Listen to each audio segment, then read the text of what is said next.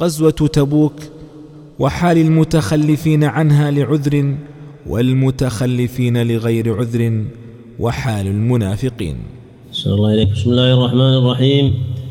الحمد لله رب العالمين والصلاة والسلام على أشرف الأنبياء والمرسلين نبينا محمد وعلى آله وأصحابه أجمعين. قال الإمام ابن القيم رحمه الله تعالى فصل في غزوة تبوك. وكانت في شهر رجب سنة تسع قال ابن إسحاق وكانت في زمن عسرة من الناس وجدب من البلاد وحين طابت الثمار والناس يحبون المقام في ثمارهم وظلالهم ويكرهون شخوصهم على تلك الحال وكان رسول الله صلى الله عليه وسلم قلما يخرج في غزوة إلا كنا عنها وورى بغيرها إلا ما كان من غزوة تبوك لبعد الشقة وشدة الزمان. فقال رسول الله صلى الله عليه وسلم ذات يوم وهو في جهازه للجد بن قيس أحد بني سلمة يا جد هل لك العام في جلاد بني الأصفر؟ فقال يا رسول الله أو تأذن لي ولا تفتني فوالله لقد عرف قومي أنه ما من رجل بأشد عجبا بالنساء مني. وإني أخشى إن رأيت نساء بني الأصفر ألا أصبر فأعرض عنه رسول الله صلى الله عليه وسلم. وهم الروم. بني الأصفر؟ هم الروم. لقتال الروم جهة الشام نعم.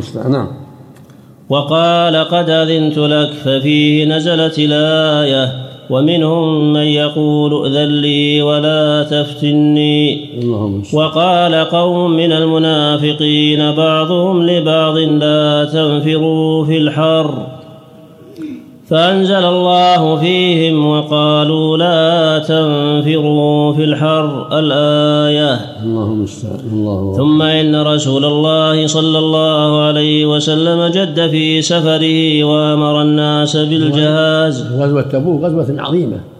ولهذا جلها للناس وبينها للناس عليه الصلاة والسلام ولم يفرق عنه ذلك غزو الروم في الشام. وكان في سنة تسع من الهجرة. في حر شديد وشدة من المؤونة. والله أمره بها. فاشتد ذلك على المنافقين. نسأل الله العافية. نعم. ثم إن رسول الله صلى الله عليه وسلم جد في سفره وأمر الناس بالجهاز وحض على الغنى على النفقة والحملان في سبيل الله. وحث وحض أهل الغنى نعم. على النفقة والحملان في سبيل الله. فحمل رجال من أهل الغنى واحتسبوا وأنفق عثمان بن عفان رضي الله عنه في ذلك نفقة عظيمة لم ينفق أحد مثلها. اللهم اللهم قلت كانت ثلاثمائة بعير بأحلاسها وأقتابها وعدتها الله وألف دينار عينا. اللهم ارضى عنه وذكر ابن سعد قال بلغ رسول الله صلى الله عليه وسلم أن الروم قد جمعت جموعا كثيرة بالشام وأن هرقل قد رزق أصحابه لسنة وأجلبت معه لخم وجذام وعاملة وغسان وقدموا مقدمات من البلقاء وجاء البكاؤون وهم سبعة يستحملون رسول الله صلى الله عليه وسلم فقال لا أجد ما أحملكم عليه فتولوا وأعينهم تفيض من الدمع حزنا الا يجدوا ما ينفقون. وهم سالم بن عمير وعلبة بن زيد وأبو ليلى المازني وعمرو بن عنمة وسلمة بن صخر والعرباض بن سارية.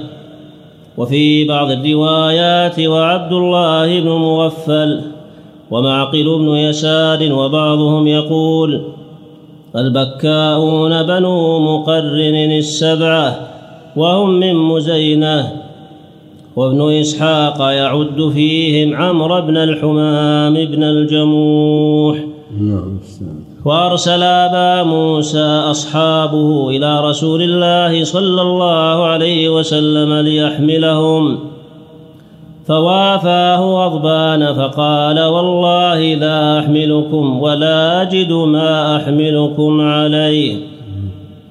ثم أتاه إبل فأرسل إليهم. ثم قال ما أنا حملتكم ولكن الله حملكم. وإني والله لا أحلف على يمين فأرى غيرها خيرا منها. إلا كفرت عن يميني واتيت الذي هو خير. وهذا هو السنة. إذا حلف الإنسان على شيء ورأى غيره خيرا منه يأتي الذي هو خير ويكفر عن يمينه. كما قال صلى الله عليه وسلم إني والله لا أحلف على يمين فأرى غيرها خيرا منها إلا كفرت عن يميني وآتيت الذي هو خير.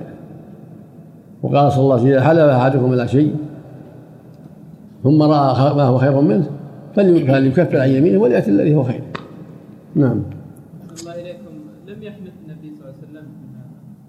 بلى قال والله. ما أحملكم نعم. صلى عليه. نعم. لكن في قوله أحسن الله إليكم ما أنا حملتكم ولكن الله حمل أي يعني أن الله يسر الأمر وحملهم لما أتاه الإبل. لما أتاه إبل. نعم. هو قال أول لهم لما جاءوا ما لا ما أحملكم والله ما أحملكم ولا أجد ما أحملكم. حلف نعم. اللهم صل على نعم. نعم. فصل وقام علبة بن زيد رضي الله عنه فصلى من الليل وبكى وقال اللهم إنك قد أمرت بالجهاد ورغبت فيه ثم لم تجعل عندي ما تقوى به مع رسولك ولم تجعل في يد رسولك ما يحملني عليه وإني أتصدق على كل مسلم بكل مظلمة أصابني فيها من مال أو جسد أو عرض. ثم أصبح مع الناس.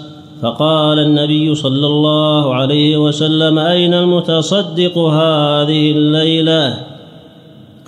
فلم يقم إليه أحد. ثم قال أين المتصدق؟ فليقم. فقام إليه. فقام إليه فأخبره فقال النبي صلى الله عليه وسلم أبشر فوالذي نفس محمد بيده لقد كتبت في الزكاة المتقبلة. الله الله يعني معناه إنه سامح كل من كان له عنده مظلمة سامحه. لما عجز عن الجهاد هذا من من جهاده أعلن بينه وبين ربه أنه مسامح كل من من ظلم في شيء. نعم الله المستعان. نعم. نعم. الله إليك هل يقاس عليه مثله يقول يعني لكل مسلم ينبغي له أن يتصدق بمثل هذه الصدقات؟ إيه نعم. وأن تعفو أقرب للتقوى. ما زاد الله عبدا بعفو إلا عزا إلا إذا كانت المصلحة تقتضي عدم العفو. لأن المجرم ما يستحق العفو لأن لو يعني زاد شره هذا له بحث آخر. وجاء المعذرون من الأعراب ليؤذن لهم فلم يعذرهم. قال ابن سعد وهم اثنان وثمانون رجلا وكان عبد الله بن أبي بن سلول وجاء, وجاء المعذرون نعم. وجاء المعذرون من الأعراب ليؤذن لهم فلم يعذرهم. شكلها يعذرهم. والظاهر فلم يعذرهم. نعم. قال ابن سعد وهم اثنان وثمانون رجلا وكان عبد الله بن أبي بن سلول قد عسكر على ثنية الوداع في حلفائه من اليهود والمنافقين. فكان يقال ليس عسكره بأقل العسكرين. واستخلف رسول الله صلى الله عليه وسلم على المدينة محمد بن مسلمة الأنصاري رضي الله عنه. وقال ابن هشام سباع بن عرفطة رضي الله عنه والأول وأثبت. فلما سار رسول الله صلى الله عليه وسلم تخلف عبد الله بن أبي ومن كان معه. وتخلف نفر من المسلمين من غير شك ولا ارتياب. منهم كعب بن مالك وهلال بن أمية ومرارة بن الربيع وأبو خيثمة السالمي وأبو ذر. ثم لحقه أبو خيثمة وأبو ذر وشهدها رسول الله صلى الله عليه وسلم في ثلاثين ألفا من الناس. والخيل عشرة آلاف فرس وأقام بها عشرين ليلة يقصر الصلاة وهرقل يومئذ بحمص.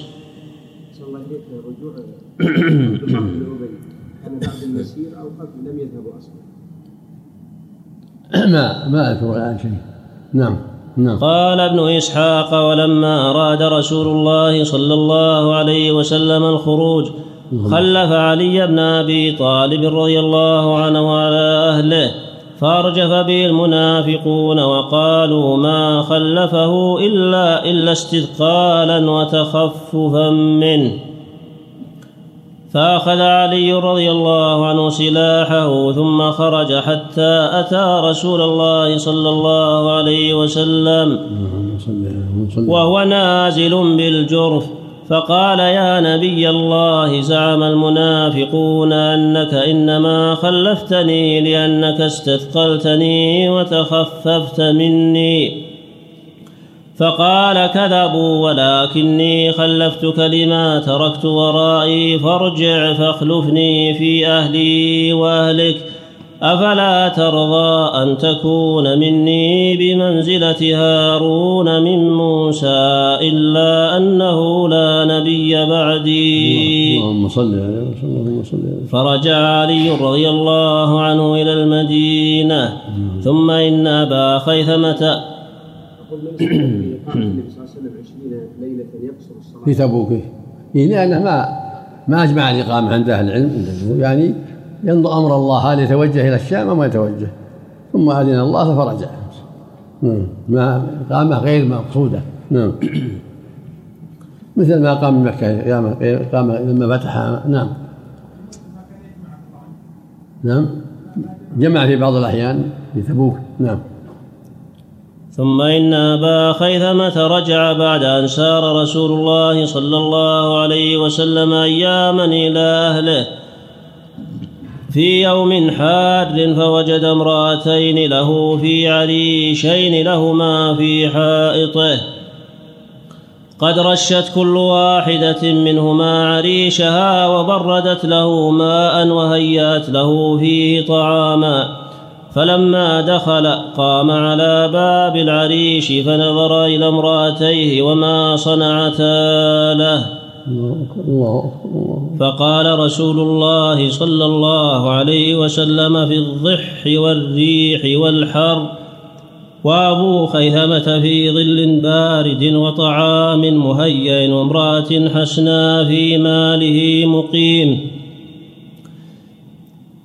الله ما هذا بالنصف؟ اللهم استعان اللهم استعان اللهم ارضى عنه. اللهم ارضى ثم قال والله لا أدخل عريش واحدة منكما حتى ألحق برسول الله صلى الله عليه وسلم فهيئا لي زادا.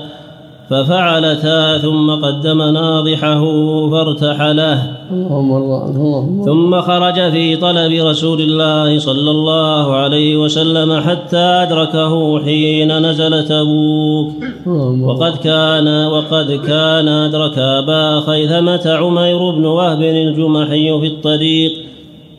يطلب رسول الله صلى الله عليه وسلم فترافقا حتى إذا دنوا من تبوك.